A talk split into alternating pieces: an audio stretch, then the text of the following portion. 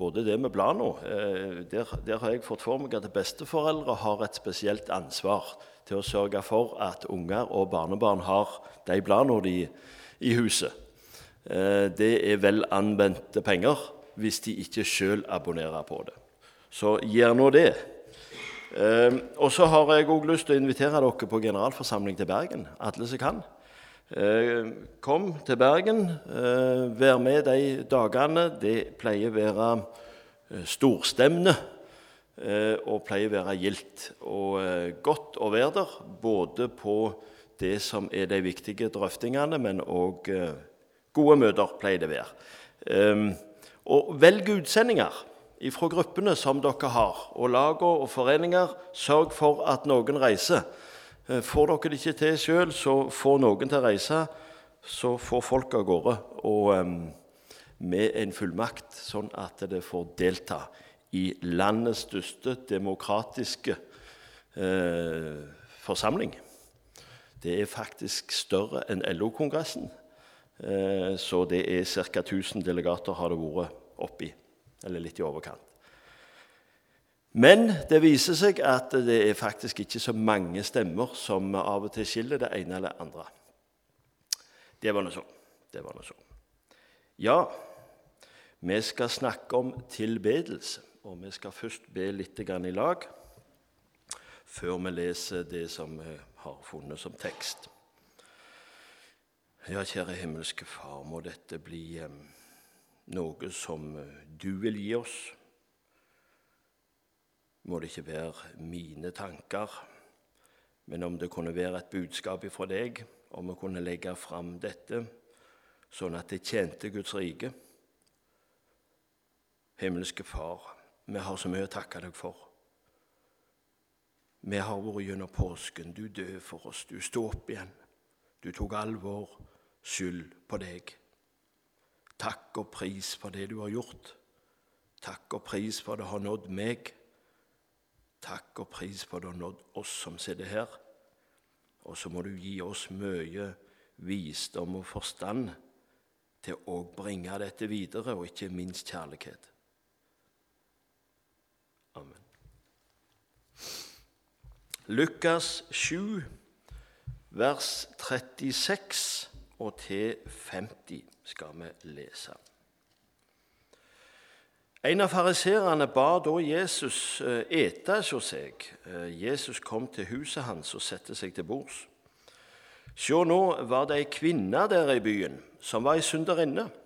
Da hun fikk vite at Jesus satt til bords i huset hos fariseeren, kom hun dit med ei alabastkrukke med salve. Hun stilte seg bak Jesus ved føttene hans og gret. Hun tok til å vete de med tårer og tørka de med håret sitt. Og hun kysste føttene hans og salva de med salven. Men da fariseeren som hadde bedt han til seg, så dette, sa han ved seg sjøl. Var denne mannen en profet? Da visste han hvem hun var, og hva slags kvinne hun er som tek på, på han, at hun er ei syndig kvinne. Da svarer Jesus og sa til han, 'Simon, jeg har noe å si deg.' Og han sa, 'Si det, mester.'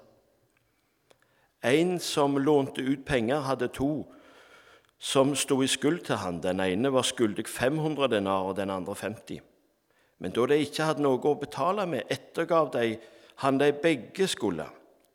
Hvem av de vil elske han mest? Simon svarer han. Den han ettergav mest, tenker jeg. Han sa til han, 'Du dømte rett.' Så vendte han seg mot kvinna og sa til Simon, 'Ser du denne kvinna? Jeg kom inn i huset ditt. Du ga meg ikke vann til føttene.' Men hun vette føttene mine med tårer og tørka dem med håret sitt. Du ga meg ikke noe kyss, men hun har ikke holdt opp med å kysse føttene mine fra den stunda jeg kom inn. Du salva ikke hodet mitt med olje, men hun salva føttene mine med salve. Derfor sier jeg deg, de mange syndene hennes er tilgivne. Derfor elsker hun mye. Men den som har fått lite tilgjeve, elsker lite. Og han sa til henne, syndene dine er tilgivne.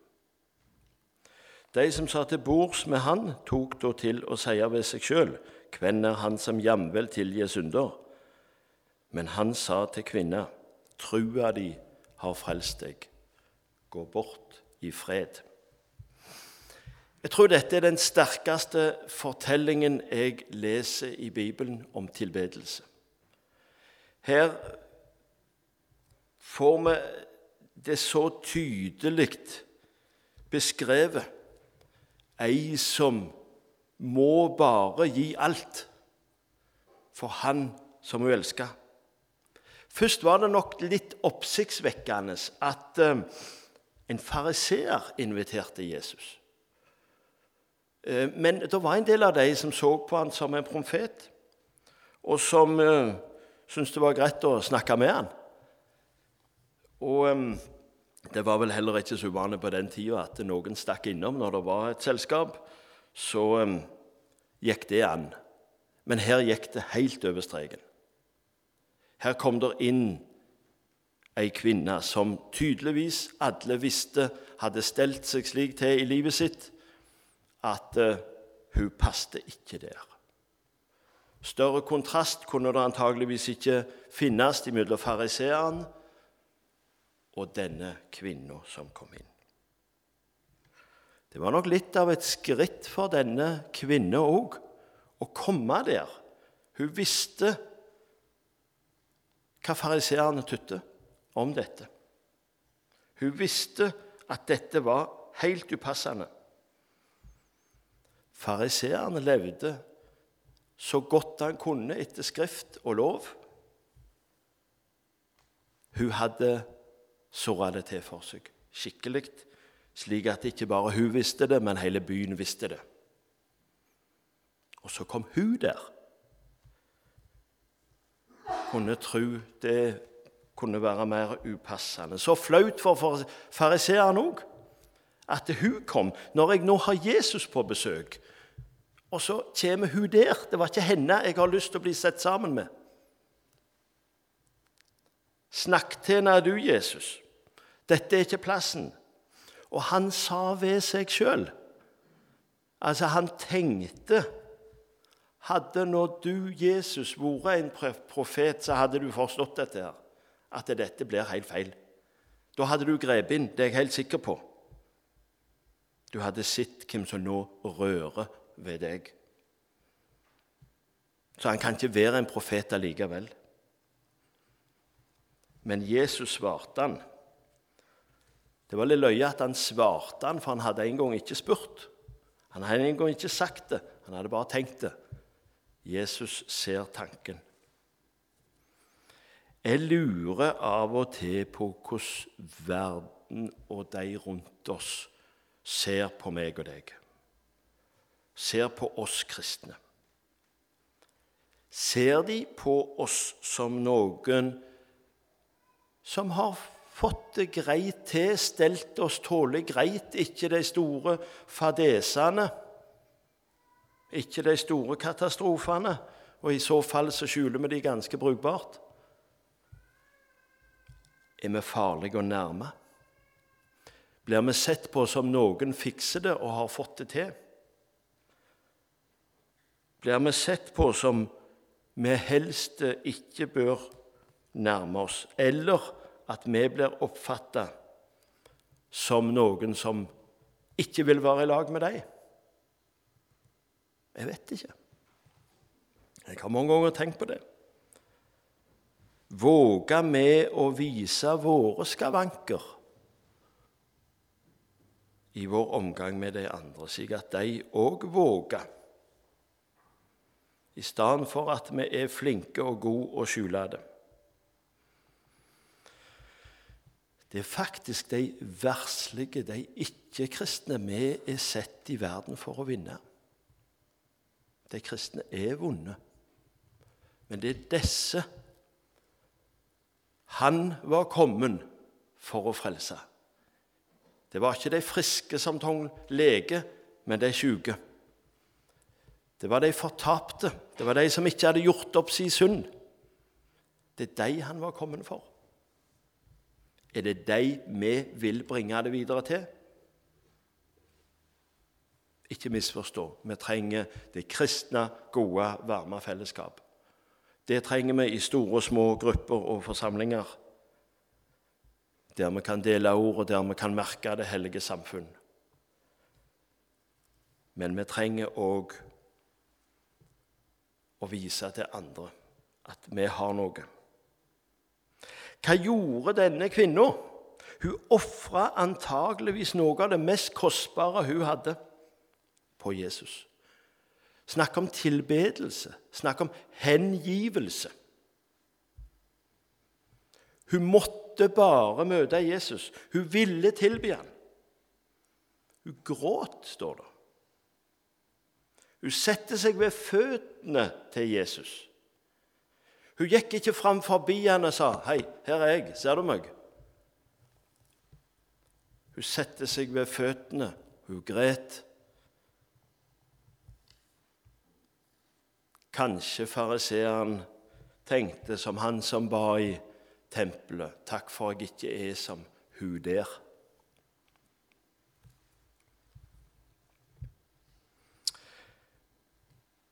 I det denne kvinna gjorde, så lå det en erkjennelse. To erkjennelser. Da lå en erkjennelse hvem hun var. At hun ikke passet der. At hun gråt, at hun la seg ved føttene hans, ikke sette seg til bord som de andre. Så lå det en tydelig erkjennelse. Jeg passer ikke inn med denne mannen. Da lå en annen erkjennelse at han er Guds sønn. En synserkjennelse og en gudserkjennelse. Om fariseeren lurte på om han var en profet, så var ikke kvinna i tvil om at han var Guds ånd. Og hun fikk respons. Hun kom. Hun fikk respons. 'Dine synder er deg forlatt'. Verken mer eller mindre. Hun ble frelst. Men fariseeren fikk refs. Slik møter Jesus den som kommer til han, og som har en erkjennelse over hvem han er, og hvem Gud er. Alle møter han på det viset. Dine synder er deg forlatt. Ingen gradering, ingen nivåforskjell. Du er en tilgitt synder. Du passer i lag med meg. Du er velkommen til bords med meg. Jeg vil dele alt med deg, uansett. Tenk på røveren på korset, som det står om bl.a. i Lukas 23. Kanskje det var en annen form for tilbedelse? Den var iallfall like ekte. Den ene spotta Gud. Den andre erkjente at Jesus var Guds sønn, at Jesus var Gud. Frykta du ikke engang Gud, sa han til den andre. I det ligger det en erkjennelse over at dette var Guds sønn. Og det var det striden gikk om. Videre erkjente han sin situasjon. Vi får så fortjent med. Vi fortjener å dø med. Vi har gjort noe galt. Vi trenger Vi, har, vi må ta imot den straffa. Han erkjente sin stilling, og han ba faktisk bare om en tanke. Han hadde ikke frimodighet engang i den stilling og den situasjonen han hadde stelt seg, å be om frelse. Det går ikke an. Jeg må iallfall få komme ned av korset, så jeg kan ta meg sammen, så jeg kan gjøre opp. Jeg må iallfall komme ned av korset, så jeg kan skikke meg vel, så får jeg ta min straff. Jesus tok den. Han kom ikke ned av korset. Fikk ikke ordnet opp og fikk ikke få skikk på noe av livet sitt, han heller. Han ble ikke engang døypt, men han ble frelst. Jeg tror det er som en parentes. Jeg tror absolutt det som står at det er frelse i dåpen, men jeg tror ikke det er den eneste veien til frelse. Jesus gir respons. Ekte tilbedelse er at vi erkjenner hvem vi er, og hvem han er. Jeg er en synder, du er en frelser. Jeg den dødsdømte, du den oppstandende. Du er Guds sønn. Tilbedelse går ifra hjerte til hjerte, ikke plent ifra munn. Vi tenker ofte på lovsang når vi tenker på tilbedelse. Ja, lovsanger står det en god del om i Bibelen, og det er et tydelig tegn på en tilbedelse.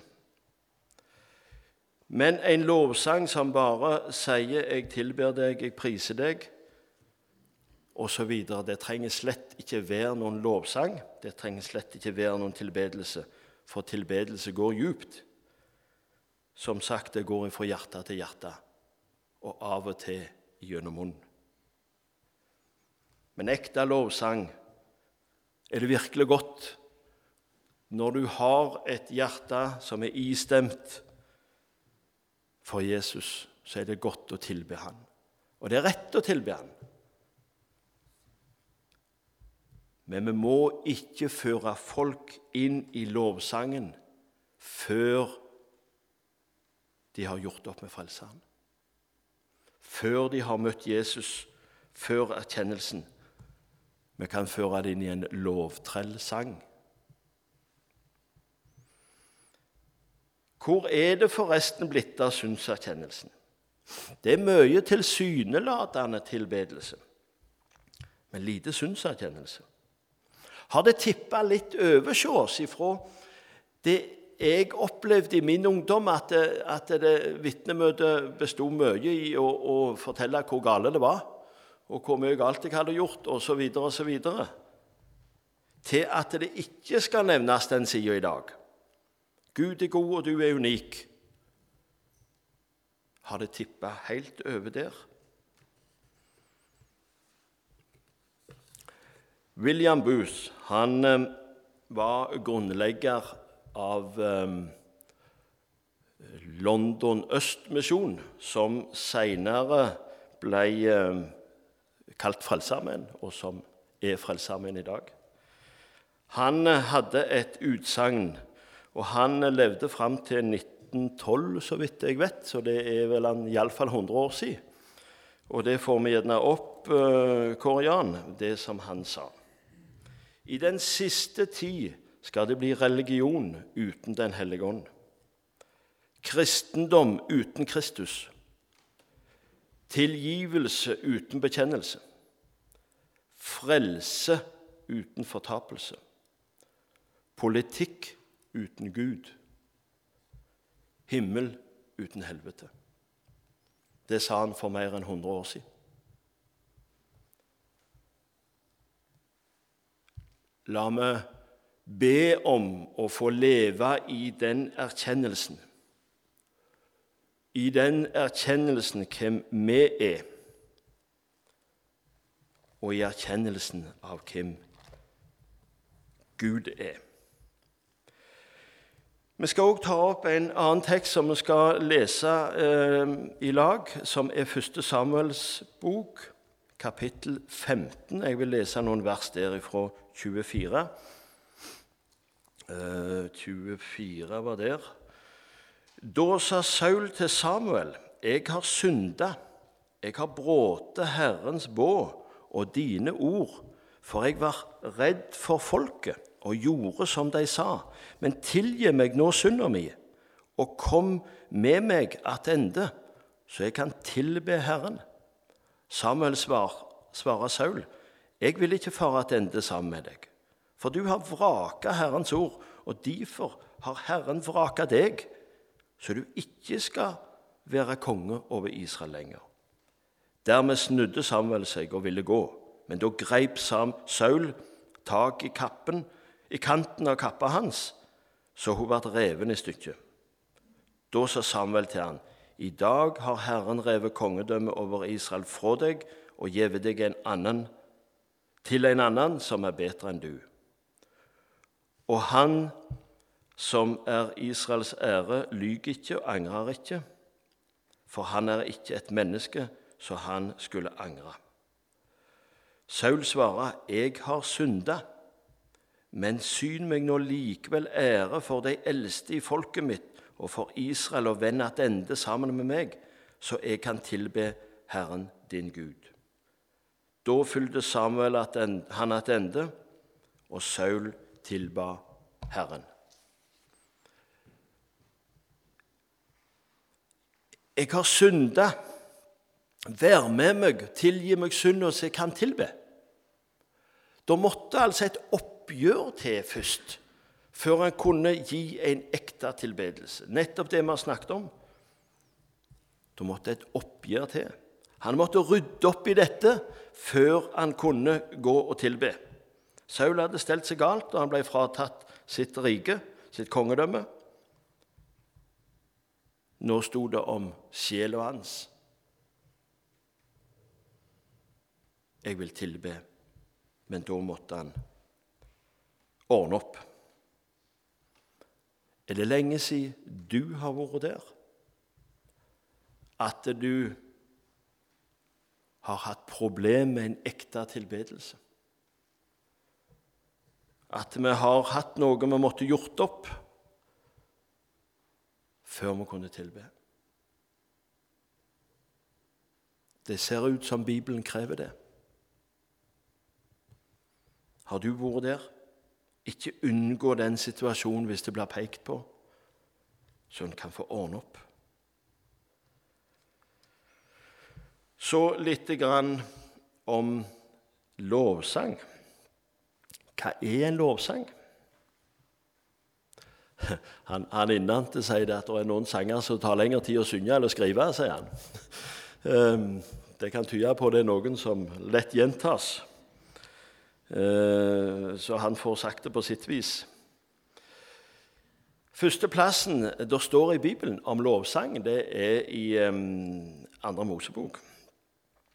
Der når israelsfolket hadde gått gjennom Rødehavet, og der de sto på andre sida og da jubla de og sang. Og Miriam hun tok trommene, og så står det opp eh, i, i, andre Vi trenger ikke lese det helt, men i andre Mosebok 15 står dette. Og da sang Moses og israelsborna denne lovsangen for Herren. Jeg vil lovsynge Herren, for han er høyt opphøyt, Hest og rytter kaster han i havet. Herren er min styrke og min lovsang. Han ble til frelse for meg. Han er min Gud, og jeg vil prise han. Gud og far min, jeg vil opphøye han. Herren er en stridsmann, Herren er navnet hans. Og så kommer en oppramsing i lovsangen av det Gud har gjort for dem. Vognen og hæren til farao kasta han i havet. Den gjeveste stridsmannen han sokk i Rødehavet. Avgrunnen løgner de. De høyre han, Herre, er herlig i sin kraft, osv. Altså, lovsangen er peker tilbake på det Gud har gjort, det Jesus har gjort. Og det tror jeg lovsanger skal gjøre. Han skal peke tilbake på det som Jesus har gjort for meg. Det som Det som han gjorde for meg, hans korsfestelse, hans død peker tilbake på det. Jeg blir skeptisk til de lovsangene som det står veldig mye om jeg og meg i. Jeg tror det er rettere når det står 'du' og det du har gjort. Det står òg ei som vi bare kan ta med så vidt, ei salme, salme 8, en en Davidssalme. Herren vår Gud, hvor herlig ditt navn er over all jorda, du som har bredd i prakt utover himmelen. Av munnen på småbarn og spedbarn har du reist et vern for dine motstanderes skyld, for å stanse munnen på fienden og den som trår etter hevn. En annen plass i Bibelen står dette henvist som lovsang. Altså et vern imot fiendene for å stoppe munnen på fiendene. Et vern. Sjelden jeg har tenkt på det. Lovsang som et vern mot fiendene. Men det ser ut som her er noe.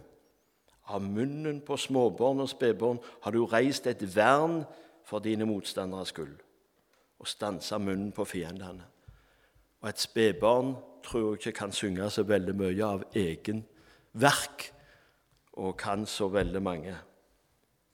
Men han legger ned i oss en lovsang. Tilbedelse. Lovsang.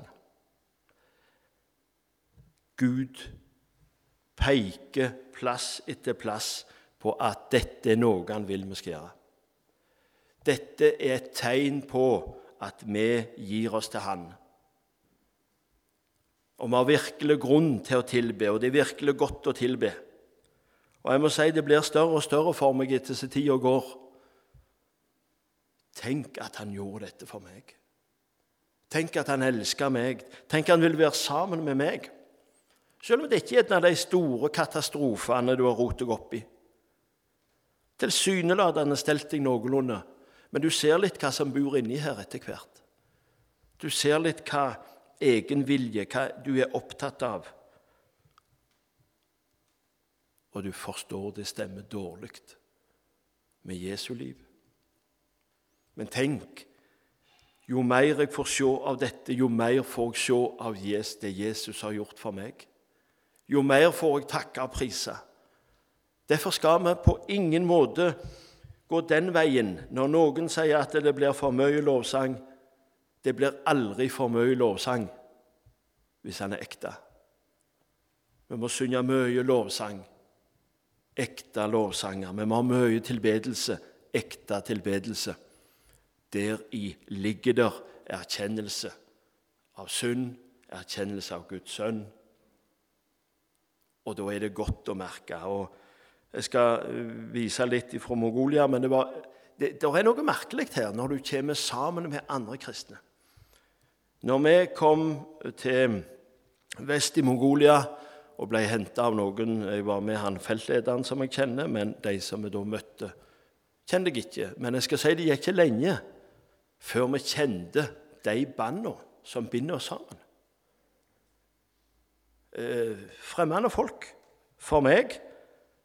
Men jeg må, jeg må si etterpå når jeg la meg, så tenkte jeg her er noe mer eller bare det menneskelige. Gud har lagt ned i oss noe av dette. Og ikke minst, hvis du kan be i lag, hvis du kan tilbe i lag, så gjør det noe godt òg med banna oss imellom.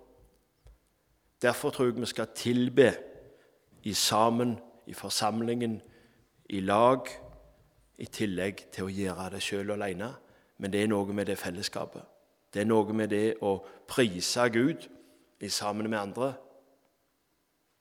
Jeg må si Det var utrolig sterkt igjen i sommer, sist sommer å være på UL og stå sammen med 2500-3000 og prise Gud i lovsangen.